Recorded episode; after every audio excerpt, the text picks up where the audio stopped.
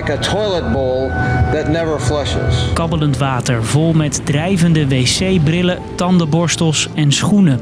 De plastic soep. Elk jaar maken we meer plastic en elk jaar wordt het probleem groter. Want plastic is pas na honderden jaren afgebroken. De oplossing lijkt deze week dichtbij. Plastic opvissen werkt goed. Duizenden kilo's zijn aan wal gebracht. En als we nog 3000 keer deze hoeveelheid die we nu aan land hebben gebracht eruit halen, dan is die plastic soep in de Stille Oceaan verleden tijd. Maar zijn we echt zo dichtbij? Ik ben Marco en vandaag duiken we de oceaan in en hebben we het over de plastic soep. Lang verhaal kort. Een podcast van NOS op 3 en 3FM. Een plakje kaas, een flesje cola of een nieuw t-shirtje. Bijna overal zit plastic in of omheen. Per jaar worden miljoenen tonnen plastic geproduceerd. De laatste opgeviste cijfers komen uit 2019. En toen werd 368 miljoen ton gemaakt op de wereld. Dat zijn zeg maar 368 miljoen kleine auto's, zoals een Toyota Yaris. Een enorme berg plastic, want het is ideaal spul. Dat weten we al sinds de uitvinding begin 1900. Toen heette het nog bakkeliet. Er werden bijvoorbeeld telefoons en radio's van gemaakt. En later dook plastic op steeds meer plekken op. Voor zachter fruit is plastic een ideaal verpakkingsmateriaal. In de luchtdichte zakken blijft het lang houdbaar. In de oorlog neemt het echt een vlucht. Plastic is goedkoop. Het kan tegen een stootje en je kan het in alle vormen smelten. Alles aan en in dit woonhuis is van plastic.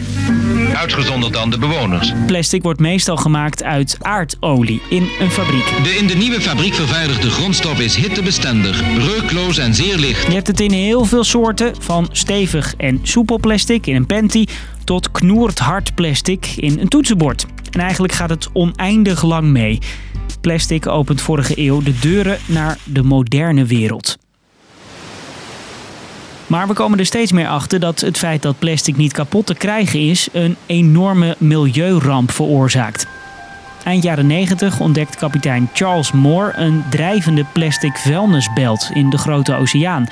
Hij doopte het tot de plastic soep. It's killing hundreds of thousands of marine mammals, millions of seabirds, and untold numbers of fish every single year. Elk jaar stromen miljoenen tonnen plastic de oceaan in. Op een paar vaste plekken in het water komt dat afval bij elkaar door zeestromingen, vertelt deze ecoloog. Het waren een, een soort eh, plasticberg ter grootte van eh, Frankrijk en Spanje bij elkaar. En er drijft van alles in. Van gedumpte kapotte visnetten die vissers overboord gooien... tot tasjes en dopjes die via straten en pleinen door de wind in het water belanden. En dan zijn er nog natuurrampen... waardoor grote hoeveelheden troep de oceanen ingaan. Een deel spoelt aan op stranden, bijvoorbeeld deze schoenen op Texel. Nou, het is wel een maat 46, denk ik. 45. Heb ik toch ook weer pech. Hè? Is het mijn maat niet, want ik heb 47. Maar heel veel spullen en dus plastic blijft dobberen in het water. En dat zie je aan de dieren, weet deze vogelonderzoeker. Van alle beesten die wij onderzocht hebben, heeft 98% van de, van de magen hebben plastics in zich. En dan is er nog het plastic dat je niet ziet drijven, maar al verder naar beneden gezakt is. Door de zon en de golven vallen grote stukken plastic uit elkaar in kleinere delen. Die zakken langzaamaan dieper het water in en zorgen onder het wateroppervlak voor nieuwe afvalbergen met microplastics. De plastic soep is dus geen dikke brei als erwtensoep, vertelt deze onderzoeker. Tegenwoordig spreken we eigenlijk liever van uh, bouillon. De soep bestaat uit kleine, vaak onzichtbare stukjes. Het plastic dat we zien drijven in zeeën en oceanen is waarschijnlijk 1% van al het plastic in het water. Je hoort de ontdekker van de plastic soep nog een keer. It won't disappear on its own. Plastic, like diamonds, are forever. Wat gebeurt er om die plastic soep te verminderen? Al jaren hoor je de naam van de Nederlandse Bojan Slat rondzingen als het over plastic soep gaat. Met zijn bedrijf vist hij het plastic op met enorme drijvende armen in het water. Een test deze week ging goed. Het is de eerste keer dat we een systeem hebben getest dat werkt. Hij zegt dat hij met nieuwe, langere armen veel meer rommel kan opvissen uit de oceanen. En nog een lichtpuntje in de plastic uh, soap. De TU Delft is begonnen met een onderzoek of plastic vanuit de ruimte gespot kan worden door satellieten. We zien dingen. We weten nog niet heel systematisch wat we precies zien en wanneer. Maar het is heel belangrijk dat we al dingen zien. En met die data kunnen ze afvalbergen opsporen en zeggen hier moet nodig worden opgeruimd. Maar dan nog blijft het zo dat het grootste deel van het plastic al dieper de zee ingedaald is en niet op te vissen is.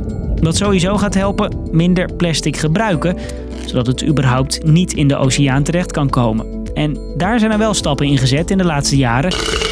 Rietjes, bestek, wattenstaafjes die zijn bijvoorbeeld niet meer van plastic in de hele Europese Unie.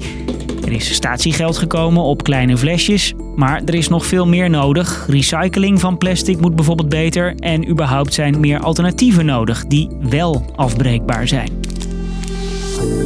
Dus, lang verhaal kort, er zijn allerlei oplossingen bedacht om plastic op te vissen uit de oceanen. Maar de plastic soep weghalen is moeilijker dan dat.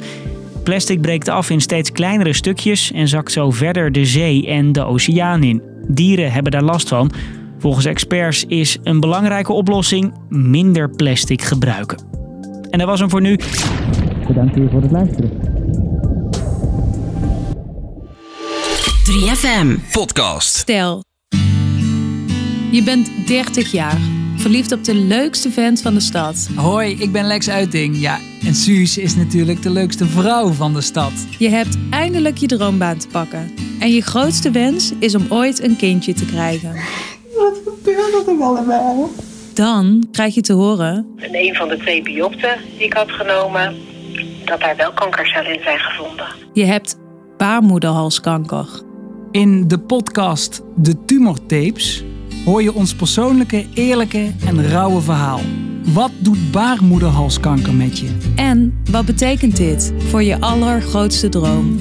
De Tumortapes vanaf nu te beluisteren in de 3FM-app of op jouw favoriete podcastplatform.